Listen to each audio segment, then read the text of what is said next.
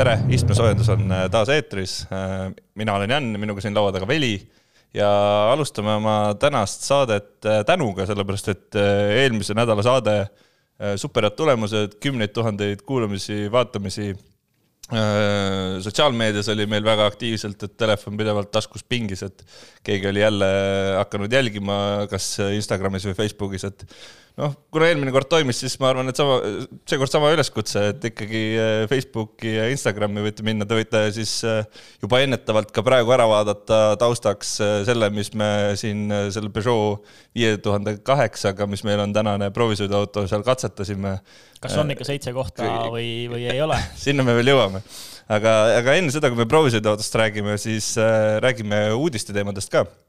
ja noh see on nagu ka vana katkine plaat juba, et me oleme siin, ma ei tea, mitu saadet juba rääkinud sellest, et täna on jälle kuidagi väga elektriline on see saade meil siin. jah, täna tuleb etteruttavalt öelda, et paraku siis, äh, paraku või õnneks, äh, kuidas kellelegi, kõik uudised on elektriauto uudised, aga esimene uudis neist vast on äh, oluline ka nendele, kes seni elektriautodest on eemale hoidnud, see võib olla see päästevõlekõrs, mis ka sinu ja minusugused võiks, võiks elektriautode poole vaatama panna no,. oleme ju rääkinud, et on ju laadimise kiirus on pudelikael ja siis äh, loomulikult ka sõiduulatus. et ikka kogu aeg on selline veidike närvilisus sees selle sõiduulatusega, et kas ma nüüd vean välja või mitte.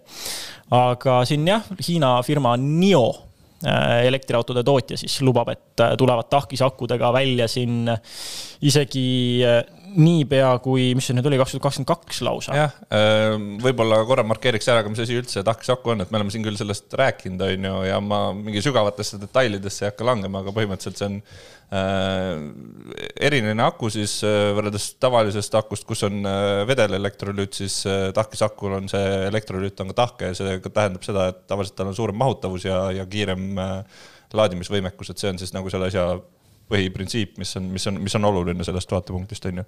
ja noh, kui me võrdleme nüüd äh, see number, mis nad välja on käinud, on äh, sada viiskümmend kilovatt-tundi.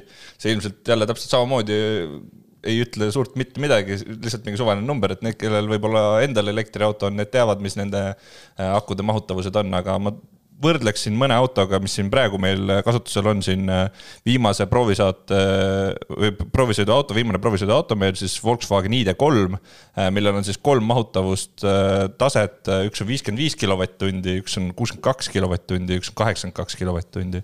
ja Tesla Model X Long Range, mis on siis noh, paljude arust ikkagi üks kõige parema sõiduulatusega autosid üldse, on ju. et nende aku mahutavus on siis sada kilovatt-tundi, need andmed võivad muidugi natukene muutuda, olenevalt sellest, et mõned äh, vaatlevad nii-öelda seda kasutatavat aku suurust, mõned vaatavad tehnilist auto suurust. aga noh, või, või aku suurust, aga kui me vaatame nüüd seda, et Tesla Model X long range versioonil on sada kilovatt-tundi, on ju. ja see, mida nüüd lubatakse, on sada viiskümmend, siis äh, noh, laias laastus see on põhimõtteliselt nagu sa sõidaksid kõigepealt Tesla Model äh, X long range'i täiesti tühjaks mm -hmm. ja siis istuksid veel selle kõige, kõige leebema Volkswagen ID3 rooli ja sõidaksid selle ka veel tühjaks, on ju. no seal on veel äh, see juurde, et äh, tahkisaku on ka palju suurema energiatihedusega. ehk siis kui Tesla viimane nüüd Panasonicu toodetud akupakid on siis kas see number oli kakssada nelikümmend või kakssada kuuskümmend vatt-tundi kilogrammi massi kohta siis äh, sellel NIO tahkisakul peaks olema kolmsada kuuskümmend vatt-tundi kilogrammi kohta. ja see tähendab seda, et äh, saab olema ilmselgelt akupakk kergem. ja lisaks, mida NIO veel teeb, on see, et äh, noh, esiteks nende kõige leebemad masinad peaksid sõitma selle saja viiekümne kilovatt-tunnise akupaki toel kusagil seitsesada kilomeetrit.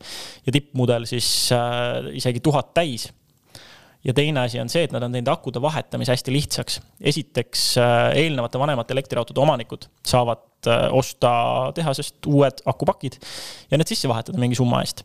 et see on selles mõttes nagu saab, äh, saab upgrade ida, uuendada oma vanu masinaid. ja teine asi on see, et Hiinas on ka toimiv äh, NIO poolt katsetatav akuvahetusjaamade tugivõrgustik. ehk siis sul ei ole need kiirlaadijad nagu meil ja mille peale Tesla on läinud vaid sa reaalselt võidki kiirtee ääres jääda korra seisma, tehagi tankimisega võrdväärse kiirusega niisuguse viiemindise akuvahetuspeatuse ja edasi kihutada. et sellised lahendused siis sealtpoolt. ja noh, nüüd jääb muidugi küsimus, et mida on siis Teslal vastu panna, on ju. Õnneks on äh, vastus kohe olemas ja selleks on siis äh, Rahva Tesla, mis kaks tuhat kakskümmend kaks peaks tulema ja mida see Rahva Tesla siis tähendab? see tähendab seda, et äh, ilmselt on oodata esimest Teslat, mille põhihind siis on alla kahekümne viie tuhande dollari ja siin juba erinevad allikad on sellest uudisest väga erutatud ja ütlevad, et see tegelikult kataks ära üheksakümmend protsenti kogu autoturust või kogu kõigist segmentidest, mida siis vaja oleks, on ju. ja, ja mis siin natukene võib-olla problemaatiline on see, et esiteks me räägime mõlema uudise vaates äh, kohtadest, mis ei ole Euroopa, on ju, et mm -hmm. ühest küljest Hiina ja teisest küljest nagu näiliselt Põhja-Ameerika, aga tegelikult on ka see Tesla uudis ikkagi väga suuresti seotud äh, Hiinaga ja, ja nende jaoks on ka see eesmärk müüa seda odavat autot just Hiinas, et äh, kui Euroopas ja Põhja-Ameerikas on inimesi, kes jaksavad maksta küll, siis miks neile müüa seda odavat autot mm. -hmm. et, äh, et selles mõttes äh, natuke võib-olla sellest autost endast, ega suurt midagi teada ei ole. teada on see, et ta on Tesla Model kolme põhi, põhimõtteliselt ehitatakse sellele samale baasile ja et sellel on uus Tesla aku, millest siis Tesla siin juba mõnda aega on rääkinud. aga noh, siin ongi küsimusi on tegelikult palju üks küsimus puudutab uut äh, suurt tehast, mis äh, Tesla plaanib Hiina Berliin, ehitada. jah, Berliinis ka on ju, on ja, veel käimas. aga, aga noh, teine küsimus on see, et Tesla ju kurikuulsalt ei ole oma tootmiseesmärke peaaegu mitte kunagi saavutanud, et ja, need numbrid, mis Elon Musk kunagi välja käis, et millal esimesed Teslad üldse tehastest inimesteni jõuavad ja millal nad Euroopasse jõuavad, millal Cybertruckid jõuavad ja, inimesteni. palju on taldrikul ühesõnaga ja siin on see, et jällegi mis eelmise uudise kontekstis oluline on selle NIO-ga võrreldes, et äh, sellel äh, rahva Teslal siis see akupakk on äh, šassii mõttes siis kandev element. et see ongi selline asi, et mida sa sealt niisama naljalt välja ei vaheta, nagu nendel NIO-del kõigil plaanitud on mm. -hmm ja teine asi on seesamas, et see akupakk, see tihedus, samamoodi energiatihedus peaks kõvasti kasvama, et kui praegu siin on see eelmine oli siis jällegi kakssada nelikümmend või kakssada kuuskümmend vatt-tundi kilogrammi kohta, siis see uus peaks olema nüüd selline, mis võimaldab äh, eelnevaga võrreldes kusagil kuusteist protsenti suuremat sõiduulatust veel. ehk siis ilmselgelt see energiatihedus jällegi on ka kasvanud. et eks Tesla liigub ka siin selles suunas kaasa, lihtsalt nemad äh, jätkavad selle liitiumi-ioon-aku tee peal veel hetkel, äh, tundub, et kõik rauad on nagu sinnapoole suunatud aga lõpetuseks uudiste osas äh, võib-olla täpsustaks ühte asja, mida me siin äh, oleme tegelikult varem ka rääkinud ja see on see Apple'i äh, uus auto, millest on siis seda juba... on, seda on hästi pikalt tegelikult ju spekuleeritud, et kahe tuhande kümnenda aasta tuuri kusagil tulid juba esimesed spekulatsioonid, et no Apple... nagu me siin paar saadet ja... tagasi ütlesime, on ju, vahepeal cancel dati ära ja siis võeti ja, uuesti ja, siis uuesti ja ei, me ikka ei tee ja siis uuesti ikka teeme. ja, aga ja. need kuulujutud puudutasid siis Apple'it elektriautot, isesõitvat autot või nende kombinatsiooni. Et.... ja taaskord, äh, kui me siin juba akudest on ju rääkisime, mõlemad eelmised lood ka, siis siin on täpselt sama asi, et Apple on ka lubanud, et äh, nende auto selliseks üheks tugevaks müügipunktiks on mingisugune uudne akutehnoloogia, nad ei ole mm -hmm. muidugi mitte sõnagi kõssanud, mis asi see võiks olla, aga see on samamoodi nende jaoks ka tugev fookus olnud. Aga nüüd meil on äh, sellised esimesed selgemad äh, impulsid sellest, et kellega nad lõpuks käed löövad ja see on ka läbi käinud väga usaldusväärsetest allikatest nagu Reuters ja, ja nii edasi äh,. et tõenäoliselt on see Hyundai Grupp, kes hakkab siis äh, Apple'i jaoks seda autot äh, kokku panema. ja see ei tähenda siis seda, et see peab olema konkreetselt Hyundai, vaid kõige rohkem on spekuleeritud selle üle, et see on üks äh, USA-s asuv Kiia tehas, mis seda võiks hakata tegema. et noh aja osas on ka spekulatsioonid väga lahtised, tegelikult see on jällegi see, et, et esialgne Hyundai poolne siis äh, teadaanne oli, et äh, jah, käimas on läbirääkimised Apple'iga, aga ühtlasi, et Hyundai'le on lähenenud ka väga mitmed teised firmad, et sarnaste koostööpakkumistega, et läbirääkimised on ikkagi algfaasis ja midagi konkreetset siin nagu öelda ei saa ei aegade osas ega noh, mis rääkimata siis äh, hinnast või mis asjaga üldse täpselt tegu on, et kas see tuleb.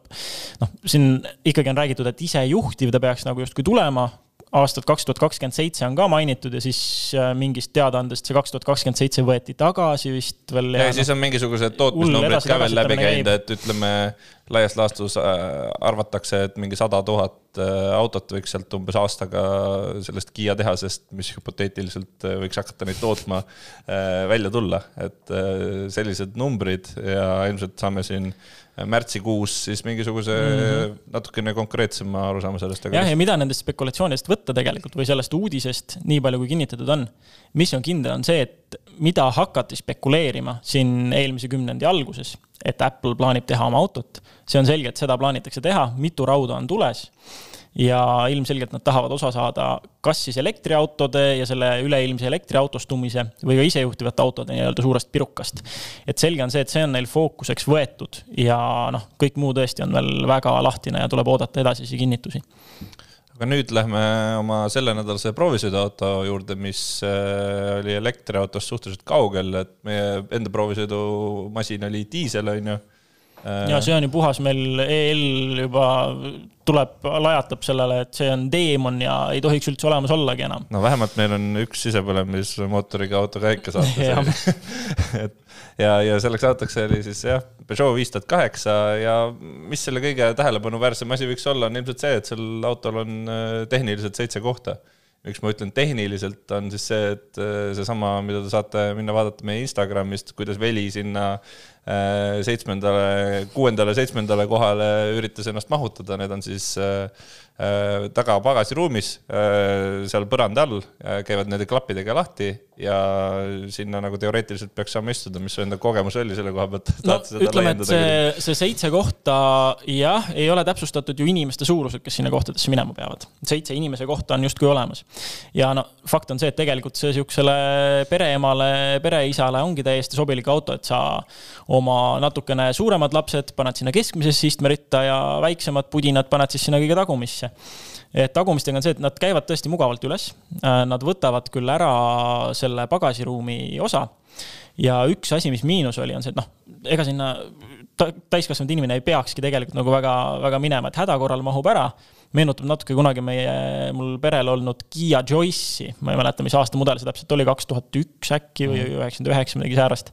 kus oli ka selline markeeriv seitsmes istmerida, et kus ikkagi juba lapsena oli suhteliselt kitsas istuda, aga sai hakkama vajaduse korral. et seal oli nüüd selle viie tuhande kaheksaga on see, et ütleme, kõige suurem miinus on see, et seal on see pagasiruumi kate, see libistatav kate, mis peale käib. Ja sa saad selle sealt ära tõsta, et see ei oleks seal inimeste näo ees.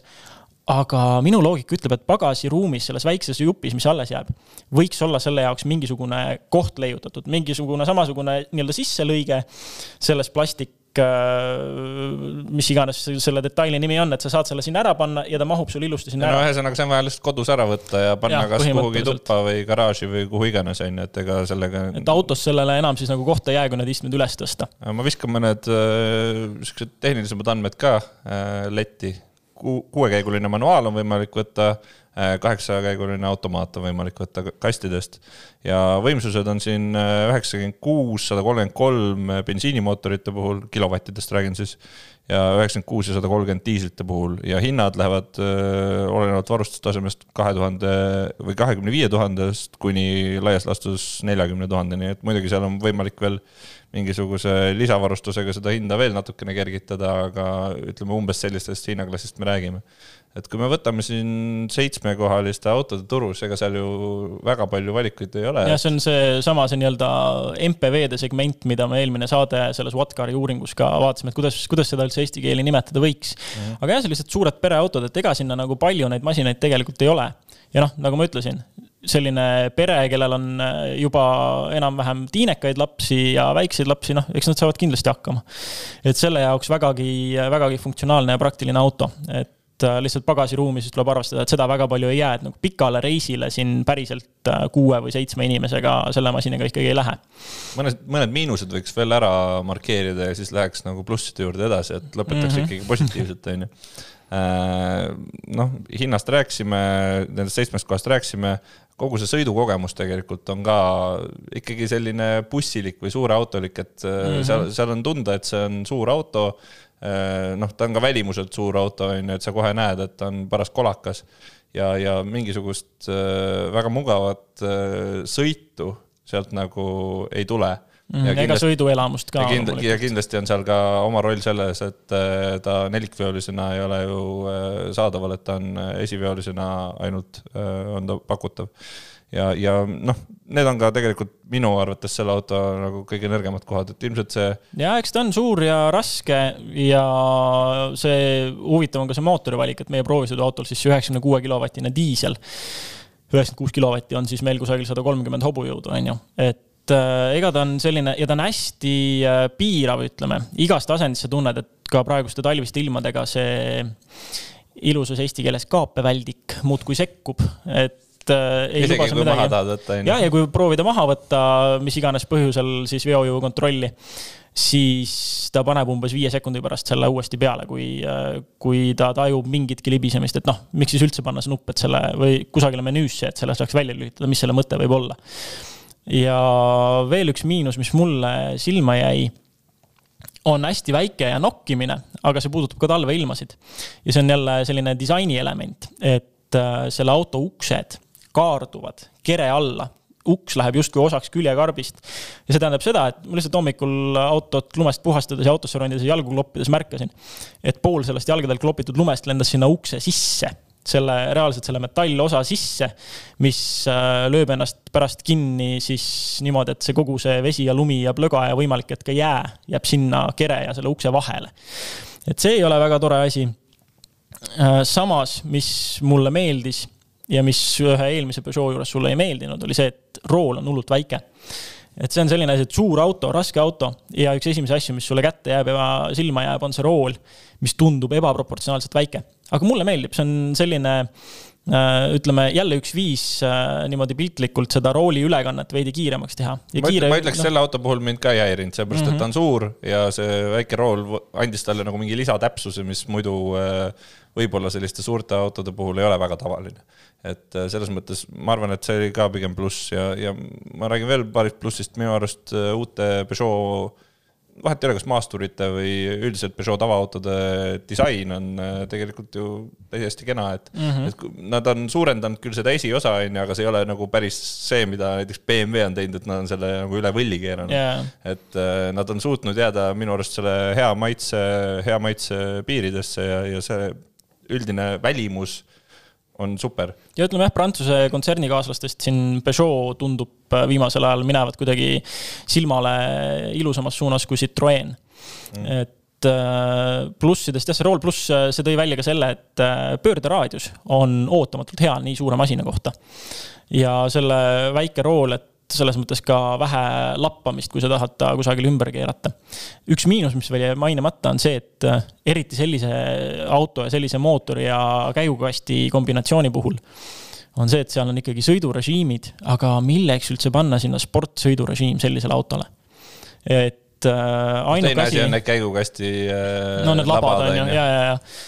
et noh, labades ma võin veel mingit kasu nagu näha, okei okay,, spordi sa võib-olla lükkad sisse, kui sa tahad möödasõidule minna, sest ainuke minu jaoks tuntav äh, erinevus, neid oli kaks tükki tegelikult siis, oli esiteks gaasipedaali tundlikkus, et äh, kui sa näiteks hoidsid stabiilset gaasi ja vahetasid ta käigu pealt spordi peale siis sul kiirus kasvas, ühesõnaga ta avas drosselit rohkem, ta juba nagu gaasi väiksema vajutuse peale, siis teisisõnu gaas reageerib rohkem. ja teine asi oli see, et näiteks kohalt minnes või natukene kasvõi kergelt varbaga gaasi lisades, kui see sportrežiim on sisse lülitatud, ta teeb minnes väikse jõnksu. kas see on siis juhtunud, kas sellele ei ole tähelepanu pööratud autot seadistades või ongi see sisse kirjutatud, et see on nüüd sportlik, nüüd ta teeb jõnksu ja siis me lähme, et see on nagu veidike küsitav minu jaoks.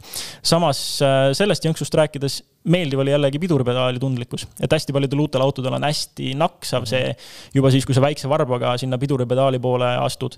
aga see on hästi-hästi mõnusalt moduleeritava piduritunnetusega, mulle see osa väga meeldis. No ma ütleks ühe plussina veel ära, mugavus kindlasti, et äh, see kolmanda rea mugavus jääda ja, jääb igaühe enda südametunnistusele, aga, aga teises reas on ju ruumi küll ja veel jalgadele, eriti kui seal taga kedagi ei istu, siis saab need, need toolid on ka reguleeritavad teises istmereas, et sa saad mm -hmm. Neid edasi-tagasi liigutada, on ju. et äh, seal on nagu võimalik endale ruumi teha küll ja, ja noh, see on klassikaline probleem, et ma ei leia endale mugavat sõiduasendit, et tegelikult oli nagu see ka lahendatud ja need istmed olid ka normaalsed, et isegi kui mitu tundi istud, siis ei jäänud kuskilt midagi valusaks mm -hmm. või ei tundnud, et kuidagi ei toetaks, et ja, ja materjalid olid ka nagu head. Et see oli ka kindlasti pluss, ma ei tea, on sul veel midagi lisada või? ma olen nagu omalt poolt vist kõik ära rääkinud praegu juba. ja kõik, kõik asjad, mis mulle ka silma jäid, võib-olla veel selle mainin ka ära, et helisüsteem kahjuks minu kõrval oli natukene jälle, natukene liiga lameda selle heliprofiiliga, et Äh, tegid, mis sa tegid selle equalizer itega. Äh, prantslastel ja nendes, noh, prantslaste multimeediasüsteemides on tavaliselt ei ole sul täpsemat equalizer'it, sul ainult äh, kolm tükki, sul on madalad, keskmised ja kõrged ja neid sättides, no ega seal väga suurt vahet ei kosta. et veidikene, veidike lamedaks see osa jäi ja see multimeedias ekslemine, see oli ka ju asi, mida sa sõidu ajal kommenteerisid vahepeal. et et äh, menüüde loogika on ikkagi imelik, et. no see on, see on klassikaline viga juba peaaegu igal teisel autol, millest me siin oleme rääkinud, on ju, et sa mm -hmm. otsid mingit konkreetset seadet, sul on enam-vähem aimdus, kus see võiks olla, aga siis tekivad mingisugused lisamenüüd ja mingi veel mingisugused kõrvalkäigud ja lõpuks sa otsid kõiki neid asju seal. ja, et ühes taga. nagu nii-öelda ühes põhimenüüs on väga põhjendamatult veel mingid alajaotused, mida seal tegelikult ei peaks olema, et ja see kehtib kogu selle multimeediasüsteemi loogika no, puhul. siukseid mingeid äh, kasutaja loogika vigu oli ju veel, kasvõi see, et äh, kui sul on näiteks kütusekulu tabloo mm, -hmm. on seal näidikute paneelis, siis selle asemel, et panna nagu roolile need nupud, nagu tavaliselt autodel on, kus sa saad neid vaateid muuta, siis üks nupp on mingil kummalisel põhjusel pandud siis roolist paremal oleva selle kangi otsa. Ja, ja, no äh, see on klassikaline sihuke, meil said trollil nupud otsa no., nüüd me võtame siit no, ja panid kusagile suvalisse kohta.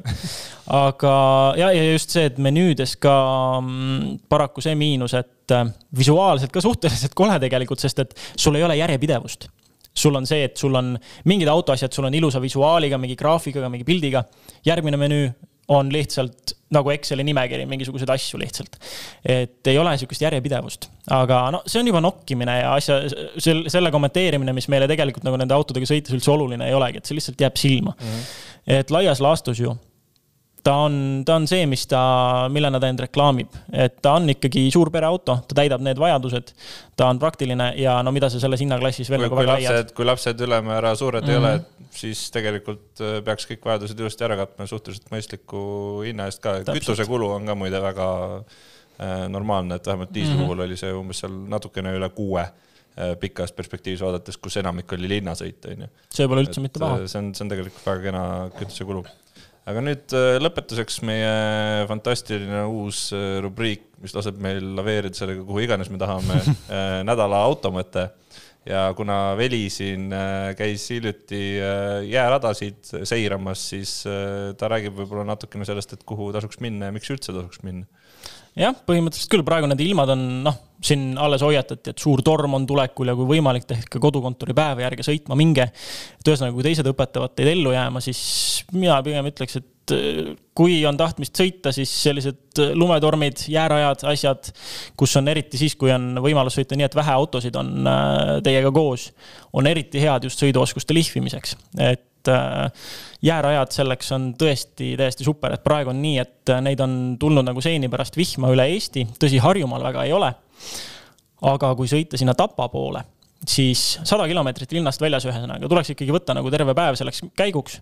sada kilomeetrit linnast väljas ühes kohas on kolm rada koos põhimõtteliselt hästi-hästi väikse ala peal ja nendelt radadelt leiab igasuguseid asju sõiduoskuste lihvimiseks. aga miks üldse minna, esiteks, ongi see, et äh, isegi mulle, kes ma käin äh, suvel kuivaga asfaldil rajal, ma sõidan igasuguste erinevate autodega, ma sõidan äh, võimalusel kiireid aegu, nii-öelda võistlen iseendaga, mul on omal edetabelid radadel.